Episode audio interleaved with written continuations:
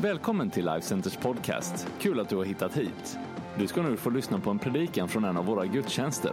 Du är alltid välkommen att besöka Life Center. All information du behöver hittar du på lifecenter.se.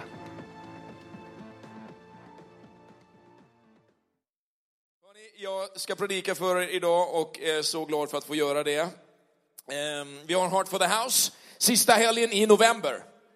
Hallå!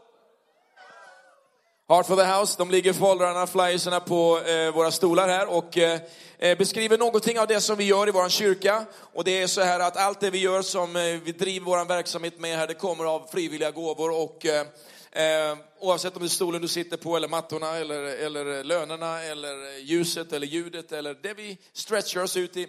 Det är någonting som vi, vi samlar in pengar till och vi är frimodiga med det. Men all expansion, det ligger i det som vi kallar för Heart for the House. Så var med och satsa så att vi kan göra det vi ska göra i både Linköping och Ludvika och, och här i Västerås och se att eh, det vi vill göra bland kids och ungdomar i den här stan blir förverkligat. Och vi tror att det här är någonting som vi älskar, alltså vi vet att det här, vi, vi älskar verkligen att göra det här. Men låt Gud utmana dig och stretcha dig att ta ett steg också. Inte bara i att vara en som konsumerar, utan att bli en givare i ditt liv. Och det här ska vi tala mer om de kommande veckorna. Nästa söndag, då har vi ett eh, speciellt härligt besök av Andrew Hoyce. En, eh, en eh, fantastisk församlingsplanterare ifrån Australien, men som planterar kyrka i Kanada uppe i Montreal och han håller på att lära sig franska och den här kyrkan är ganska lik våran i stil, men han är en riktigt, riktigt duktig kommunikatör. Så nästa söndag, både förmiddagen och kvällen, Big Sunday, plocka med dig människor in. Han bara älskar att se människor förvandlade, livet förvandlat och han är ungefär tio år yngre än mig. Och, och, så att det kommer att bli riktigt, riktigt bra. Om du vet vad det innebär när man är som jag fast man är tio år yngre. Då kommer det bli riktigt, riktigt bra.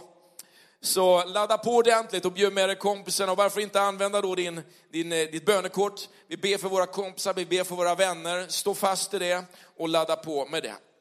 Idag så vill jag predika om en eh, spännande person i Bibeln som heter Simson. Och eh, Simson, eller Samson som man säger på engelska. Samson, Simpson. Eh, han hade väldigt mycket rätt och han hade en hel del fel. Och vi ska lära oss någonting av honom. Det var ju så här att när jag predikade förra söndagen så talade jag om identitet och att hitta sin rätta identitet. Många av oss undrar vem, vem vi är, vart vi är på väg med våra liv och vad kraften i evangeliet är i våra liv. När vi tittar på våra liv här just nu så ser vi liksom vilka vi är, unika personligheter. Men så finns det också någonting i oss. Det känns som att du fyller år imorgon. Eller stämmer det? Jag bara kände det. Det var någon som viskade i örat innan. Det är kul det här med att eh, busa lite med varandra. Men du har ju en identitet. Ska du presentera vad du heter? Scarlett. Scarlett har en identitet. Scarlett hon är en eh, tjusig tjej i sina bästa år. Och eh, någonstans där i början på 20, någonting sådär, 20, 21, 22, 23 någonting kanske. Och eh, stämmer det? Ja. Eh, hon har hål på jeansen och eh, hon ser ut som man ska göra när man är en härlig, läcker tjej i 22, 23 och eh, 21, 20-årsåldern.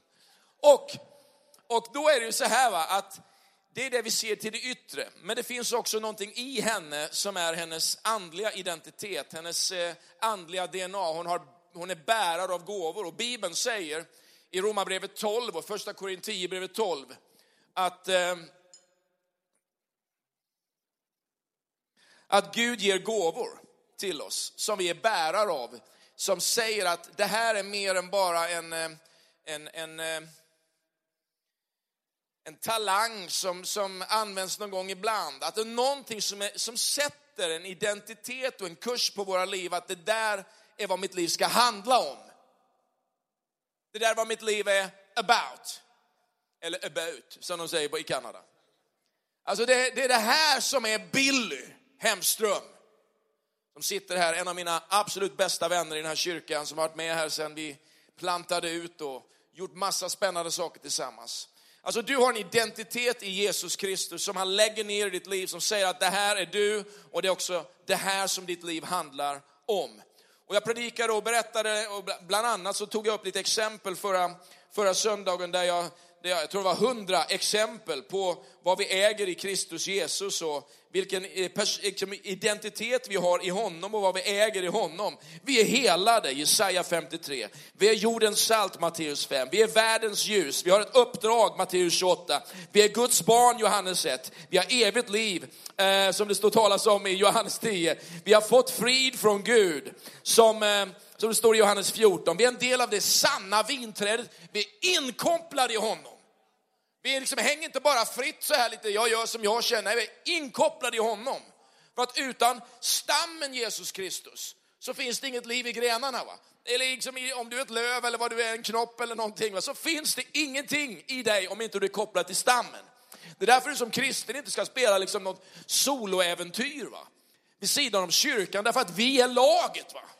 Och det är teamwork som make the dream work. Va? Är ni med? Och Jesus han kallade ju inte bara en person utan han kallade ju ett gäng av medarbetare. Som sen blev ett större gäng, som blev ett jättegäng. Och så gav Jesus bilden av att vi var levande stenar. Som var infogade i ett heligt, ett andligt, ett gudomligt bygge, va? ett husbygge. Där de där tegelstenarna passar in på en specifik plats. Va? Precis som du gör, och du gör, och du gör. Så finns det en plats för dig. Och då är din personlighet liksom det som gör att du passar in just där. Amen? Är ni med på det här?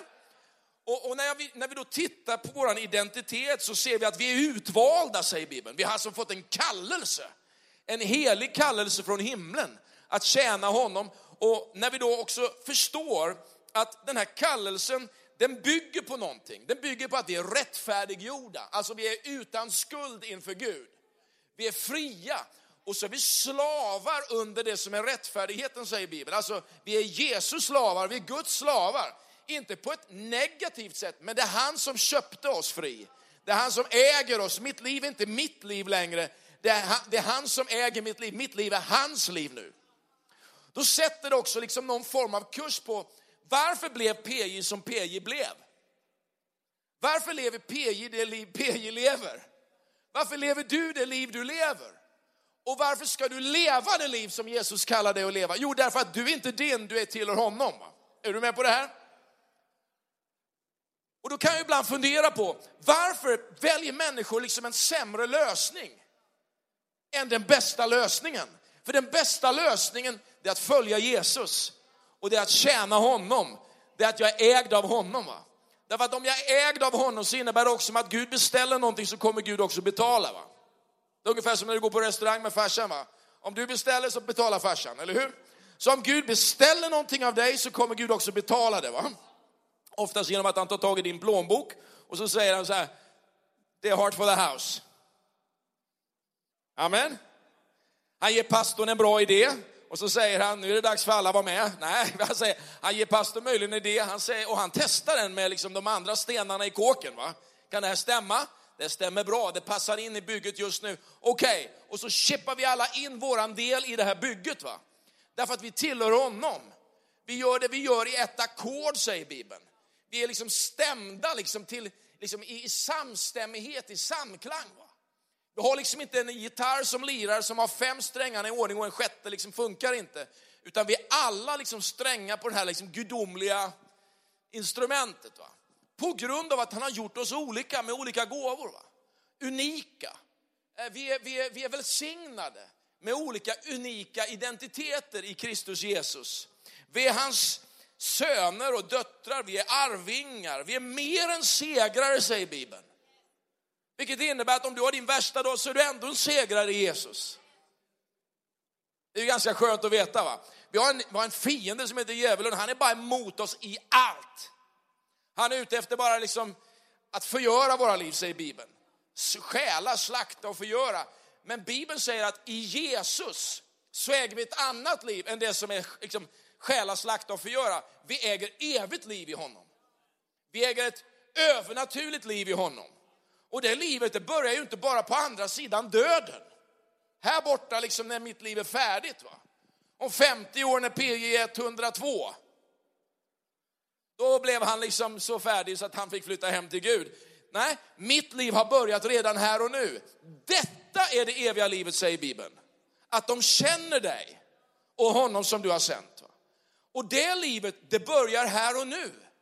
Det eviga livet, alltså det som, det som liksom ska komma eller som, som, som är evigt. Va? Det börjar inte då, det börjar här och nu. Det är inte bara börjar, det är här och nu. Det är här och nu. Och det gör vi liksom att när vi tittar då på tv om liksom eh, döden med, vad heter hon, eh, och vad heter hon, gör ju ett programserie om döden nu. Ja, Kristin Meltzer, hon är ju rädd för döden. Alltså, jag är inte rädd för döden. Möjligen lite, lite scared hur jag ska dö, men, men, men egentligen inte riktigt. va. Utan jag, jag vet. va. Att den där gamla låten man sjöng i kyrkorna för på 50-talet, jag skall, jag skall, jag skall aldrig dö. Va? Den låten, den är sann. Va? För att härifrån in i evigheten så är det ett och samma liv. Det är bara att jag går in i en annan existens. Va? Vilket gör att man blir ju livsfarlig för Gud. Vet du.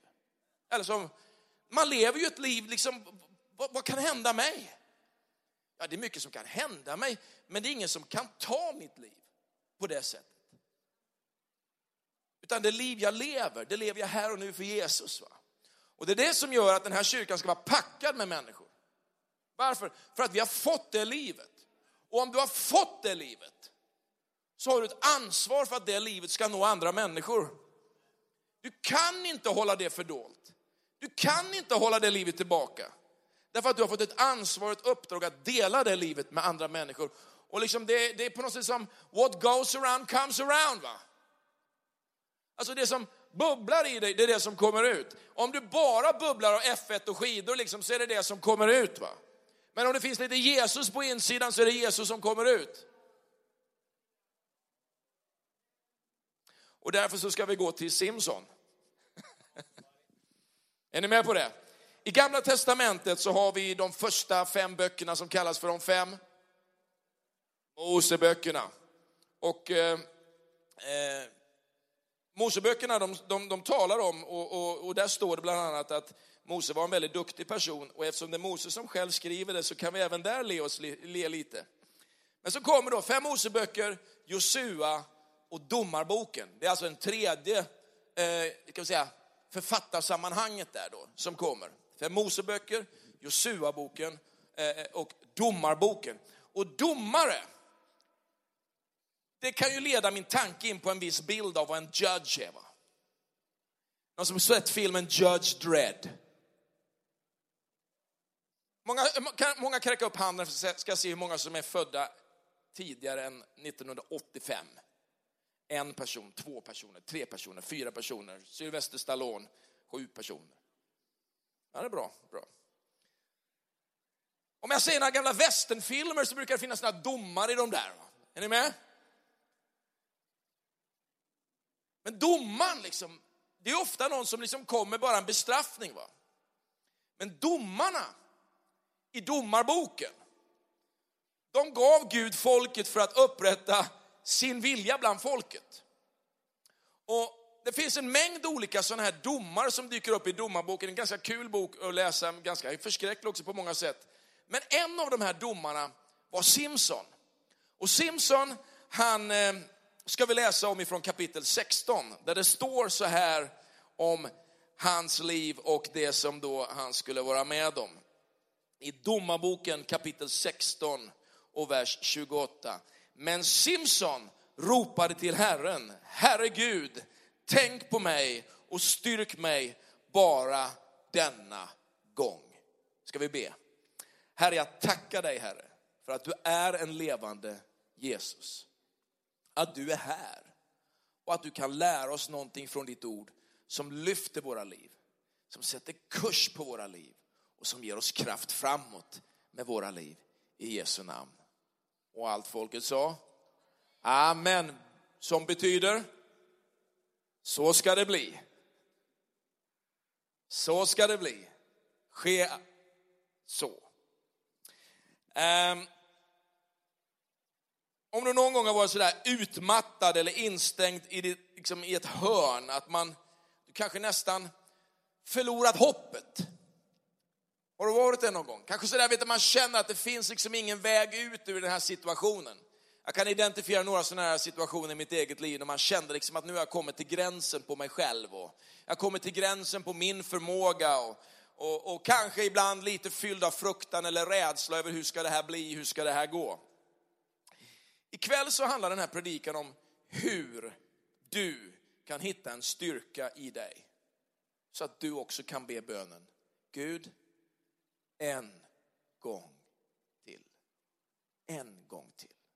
Herre, ge mig styrka en gång till. Oavsett vad du går igenom, det kan passa in på en mängd olika situationer, men en gång till. Gud, låt mig bara få tjäna dig en gång till. Du vet Simpson, han var ju domare och han var väldigt, väldigt smart i vissa lägen. Om jag säger så här att han eh, var en gång liksom eh, på väg och så såg han eh, ett gäng störiga typer och han tar upp en åsnekäke och slår ihjäl tusen man med en åsnekäke. Så säger det någonting om vilken fighter Simpson var. En åsnekäke. Jag vet inte om du har sett en åsnekäke någon gång med liksom en sådär, eh, ett förruttnat djur och så ligger en käk eh, kvar. Men den här käken kunde han liksom fighta med tusen man och vinna seger. Han är också en sån som eh, eh straffade sina fiender genom att fånga 300 rävar och knyta ihop svansarna på dem två och två och sätta en fackla liksom mitt i den här svanskopplingen och skicka in rävarna i, liksom bland hans fienders eh, sädesfält för att bränna upp dem. Alltså han är ganska klurig och han är ganska finurlig. Va? Han är lite oregerlig. Va? Men han regerade som domare över det folk som faktiskt fanns eh, som ockupationsmakt i det som var egentligen hans rättmätiga, eh, eh rätt, rättmätiga land. Ehm, Kanske är det så här att du aldrig har förstått vilken kraft du äger som ett Guds barn. Eller kanske har du aldrig använt den kraft som Gud har lagt ner i dig. Verkligen. Ett Simpson, han, han var inte väntad då. Hans föräldrar de var barnlösa och de var ganska ledsna. Det står att de bodde i en stad som hette Sorja, till råga på allt. Sorga. Det är som att bo i den här norska staden Sandnes som ligger vid Stavanger, Sadness. Jag brukar säga, jag har en pastorskompis som kommer därifrån, ifrån Sandnes. Han är från Sadness. Alltså, de bodde i sorga va? och de var så ledsna över att de inte hade kunnat få ett barn. Och så kommer Gud till dem med förändring. Och detta fantastiska men. ordet men. Precis som vi läste i den här versen 28 där i domarboken. Men Simson ropade till Herren, Herre Gud, tänk på mig och styrk mig bara denna gång. Ibland så säger vi så här, men, eller på engelskan but. Och då säger vi ibland lite negativt, alla har ju en but va? Eller hur? But, but, but, but, but. Är ni med? Alltså det här ibland när vi ska göra någonting bra va, och så kommer man, men. Men. Men det finns alltså, men det finns alltså en positiv uppsida av detta ord men. Jag tänker på att eh, vi alla har ett behov av detta men som talar om förändring. I Domarboken kapitel 1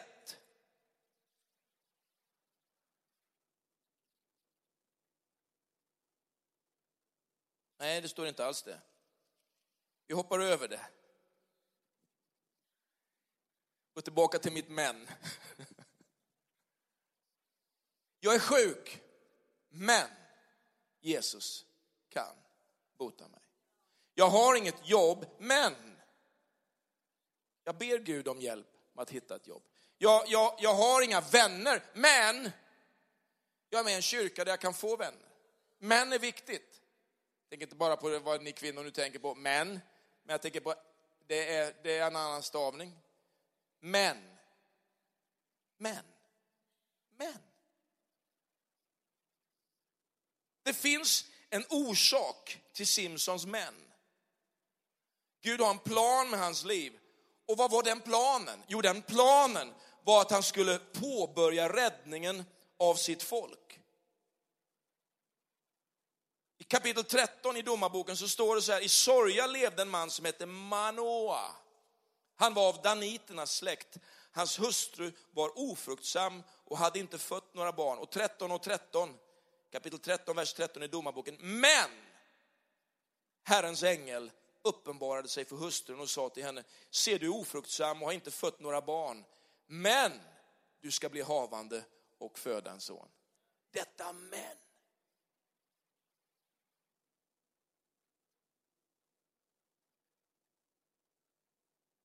Så här är det också med allt i ditt liv. Allt Gud gör för dig handlar om hans kärlek till dig. Du vet den här världen är dödligt sårad, men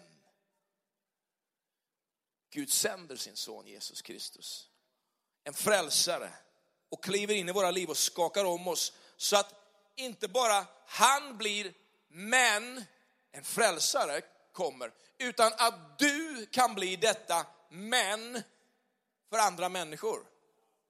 Det ser ut så här på din arbetsplats, eller i ditt plugg eller i din familj, men det finns en som tror där. Men det finns en tjej eller en kille som har med Gud att göra på den arbetsplatsen eller i den klassen. Gud säger att det finns ett men och så sänder han Jesus och så plötsligt så gör han dig till detta men. Simpsons liv lär oss några avgörande sanningar om oss som människor och om vi ska vara ett men för andra. Och det första är det här. Det bästa startar med Jesus. Det bästa startar med Jesus. Simpsons pappa Manoa, han frågar vad Guds ängel heter. Du vet han som kom då med det här budskapet till hans hustru om att hon skulle få en son. Och så säger, det kan vi läsa om här i kapitel Eh, 13 och om vi går fram till vers 17. Manoa sa till Herrens ängel, för de har haft en liten konversation fram och tillbaka, för han var ju inte med där. Känner ni igen storyn? Känner ni igen parallellen till det här med när Jesus ska födas?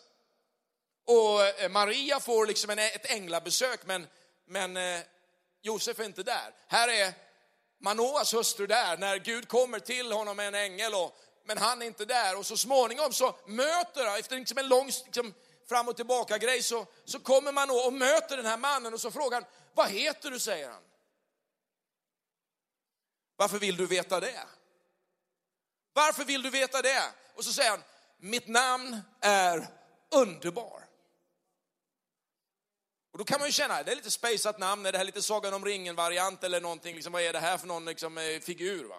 Men om man kan sin bibel och läser sin bibel så vet man att ett av namnen som Jesus får i Jesaja, hans namn ska vara underbar, rådgivare, väldig Gud, evig fader. Så fattar man att Jesus, han finns inte bara i Nya Testamentet, utan Jesus, han finns i Gamla Testamentet. Och han uppenbarar sig som en Herrens ängel med ett budskap om förändring. Ängelns namn är underbar och det som är underbart med Jesus är att Jesus han gör under, för det så står det tror jag i en av våra översättningar eh, i folkbibeln, att hans namn ska vara under. Inte bara underbar, han ska vara under, dunder. Under, dunder. Du tänker på dunderhonung direkt här och Bamse och alltihopa, men vet, det här är sant. Va? Det är det som är skillnaden. Jag, jag, jag älskar Bamse, jag tycker han är mysig. Det är viktigt att vara snäll när man är stark, brukar jag säga. Och så tror jag att jag citerar Bibeln, men det är egentligen Bamse jag citerar. Men hans namn ska vara under. Hans namn är på engelskan wonderful. Han är wonderful. Vet, allt börjar med Jesus. När jag mötte Jesus mötte jag någon som förvandlade mitt liv. Det är underbart att känna Jesus. Det är underbart att leva för Jesus. Det är underbart att veta att han har dött för mina synder och att han har kallat mig. Det är underbart att veta att han faktiskt öser av sin nåd över mitt liv varenda dag. Det är underbart att leva med Jesus. Och är det inte underbart att leva med Jesus så umgås man för lite med Jesus.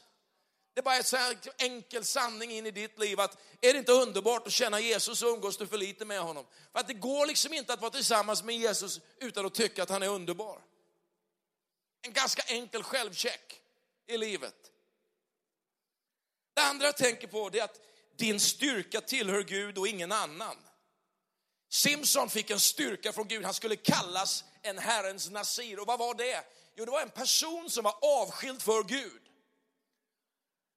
Ängeln säger till hans mamma, så här, det, är viktiga, det är några viktiga grejer här. Du ska inte dricka alkohol och det ska inte grabben göra heller. Och ingen ska någonsin klippa håret på killen.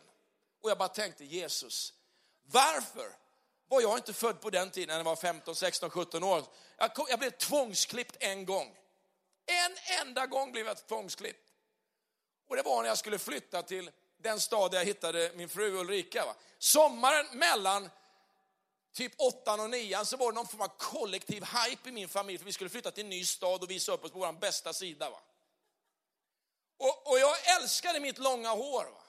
Och så skulle jag klippa det och det liksom blev lite så här lite, vet, man skulle ha nedanför öronen åtminstone och jag vill ha ner på axlarna och så, och så kom det någonstans mittemellan örat och axlarna och tyckte jag såg ut som världens största fjant. Va?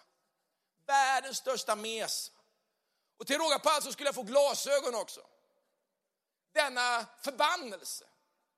Detta liksom spektakel som fördärvade hela mitt underbara utseende. Va? Till råga på allt så gick man igenom den finnigaste perioden i hela livet. Och så den finnigaste perioden, plus glasögon, plus en fjompig frilla. Som varken var liksom kort och cool eller lång och ball. Va? Är du varken varm eller kall men ljum så spyr det ur min mun tänkte jag. Kort eller långt, men det där mitt emellan tillvaron. Det där mediokra, lite lagom svenska. Till. Jag ville ha långt hår, gärna till midjan som alla mina hjältar hade. Nu drömmer jag fortfarande om det, faktiskt. Jag drömmer fortfarande om, och väldigt många pastorer gör det också. Inte bara Billy här borta på kanten, där liksom mittbenan har blivit lite bredare. Men Billy som är här borta här, som är en av mina bästa kompisar, så, han hade hår ner här till liksom axlarna, ner för axlarna. Och han var den coolaste killen i klassen. Oh Billy, those were the days. Manoas son Simson, han hade ett hårsvall som hette duga. Och han hade förstått att kraften, den satt i håret. Hela hans styrka satt i håret. För det var nämligen så att han blev urstark. Va? Urstark liksom. Så länge håret var kvar. Ska inte någon av er som inte har så mycket hår här nu vara alldeles för desperata. Det är inte slut på predikan än. Det kommer ett slut på den här. Men Simpson hade framför allt några weak spots i livet. Om håret var hans styrka, eller egentligen det här att han höll löftet till Gud. Det var ju kanske inte egentligen håret, utan det var löftet till Gud. Att inte liksom, ja men Gud, sa Gud det så var det så det, liksom, det var. Och det var att hålla löftet till honom som var grejen. Men han hade andra weak spots. Framförallt så var det kvinnor. Va? Och det vet ju många män här inne vad det innebär. Alltså, alltså att, inte att vara kvinna, utan vad, vad det innebär att ha en weak spot för en kvinna. Problemet var att han, han drogs till kvinnor som inte var det bästa för honom. Va? Och kanske har du varit med om det här att man har dragits till någon som inte är det bästa för en. Satt och hade ett samtal med en, med en tjej här för en tid sedan som, som lever i ett förhållande med någon som bara utövar någon form av manipulativ makt över henne. Och hon vet att det inte är bra. Och hon vet att hon borde göra slut. Och hon har gjort slut, men så återvänder hon om och om igen till ett destruktivt förhållande.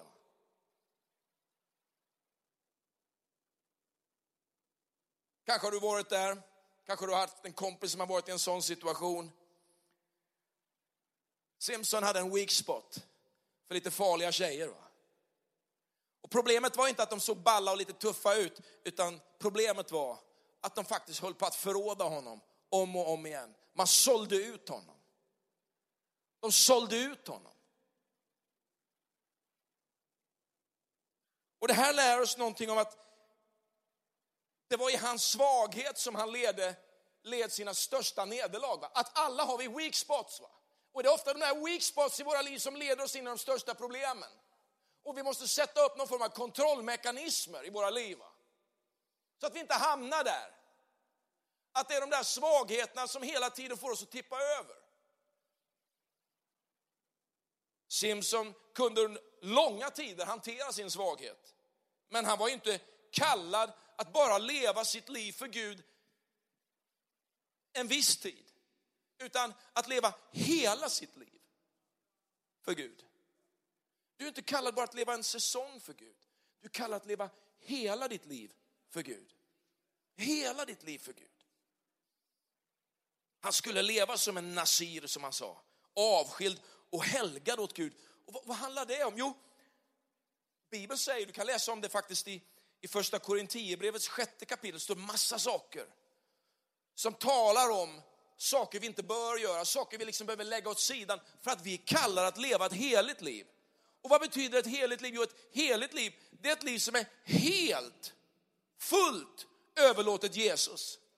Det är Jesus som är kungen. Det är Jesus som äger oss. Och när vi lever ett helt liv för honom, då säger vi nej till vissa grejer i livet. För att det är viktigt att leva ett helt liv för honom och ägna oss åt det som bygger våra liv och som frigör den potential som ligger i våra liv. För att vi kan maximera liksom effekten av våra liv och hitta glädjen i Gud och friden i honom. Mer än bara det som kan se så bra ut för en liten kort stund. Va? Men som ytterst är ganska destruktivt för oss. Det vill säga, vi tar kontroll över våra weak spots. Och så ägnar vi oss åt det som faktiskt ger den bästa effekten i våra liv. Vet, Gud förväntar sig att vi ska leva ett helt liv för honom. Och hur är det möjligt? Med tanke på att du är du och jag är jag. Att du har dina weak spots, att jag har mina weak spots. Hur kan vi leva sådana här liv? Jag tror inte det finns, det finns inte en enda människa här som inte har en svag punkt i livet. Som du har kommit till Gud med och sagt, Gud bara hjälp mig. Jo, vi kan hitta det livet genom det som kallas för livstransformation, livsförvandling. I Romarbrevet 12 så står det så här i vers 1 och 2. Därför uppmanar jag er bröder och tjejer vid Guds barmhärtighet att frambära era kroppar som ett levande och heligt offer som behagar Gud, er andliga gudstjänst. Anpassa er inte efter den här världen, utan låt er förvandlas genom förnyelsen av ert sinne så att ni kan pröva vad som är Guds vilja. Det som är gott och fullkomligt och behagar honom. Alltså, inte varje tanke va, som man får här i huvudet är rätt. Va? Det är inte varje god idé som är en gudidé. Är du med? Inte varje god idé är en gudidé. Men inte heller varje kassidé är en gudidé. Inte varje tokig idé, för en del människor tror att ju tokigare det är, desto mer Gud måste det vara. Ju mer flake det är, desto mer måste det vara Gud. Det är inte sant. Men vi ska förvandlas här uppe i knoppen. Så att vi kan avgöra vad som är Guds idéer, det som är Guds vilja, Guds tankar för oss. Så kommer det en tanke in i våra liv som säger så här, du är kast, du är värdelös. Va? Du suger, du kan bara checka in, liksom, eller checka ut, du kan bara lämna, du kan bara dra, det är ingen som tycker om dig. Är det en gudidé? Nej, det är det inte. Därför att rent intellektuellt så vet jag att Bibeln talar om på x antal platser om att jag är högst älskad av honom, jag är skapad till hans avbild, att jag är värdefull, att det finns en framtid, att han ser på mig genom Jesus Kristus och att mitt liv har ett syfte och en framtid med honom. Jag vet det att det står här, men jag måste ju få det från huvudet ner till hjärtat. va? Är du med? Så att liksom, jag ska förvandlas så att mina tankar liksom blir, blir, blir, stämmer överens med, med liksom vad ordet säger om mig och att det landar rakt ner i mitt hjärta. Va? Är du med på det? Alltså är det så att varje tanke som kommer liksom, är inte rätt, va? utan du måste kunna avgöra vilken tanke som är rätt. Och då är det här en av de absolut bästa sanningarna för dig att avgöra vad som är rätt. Det andra är den heliga ande som är Gud själv som bor i dig när du är frälst. Va? När du har upplevt vem Jesus är och upplevt förlåtelse så bor den heliga ande i dig och han vill släppa loss sin kraft i dig. Han vill tala till dig, guida dig, vägleda dig så att du förstår vem, vem du är i Jesus Kristus. Och därför säger jag så här, respektera ditt liv och den styrka Gud har gett dig genom att leva ett heligt liv. Uppvärdera det du har fått. Låt mig avsluta med det här. Det tredje, det här. Gud kan vända det värsta till det bästa. Kanske satt och funderade lite, men jag har fattat fel beslut. Jag har gjort, jag har varit precis som en sån här person som har bara levt på mina weak spots på något sätt.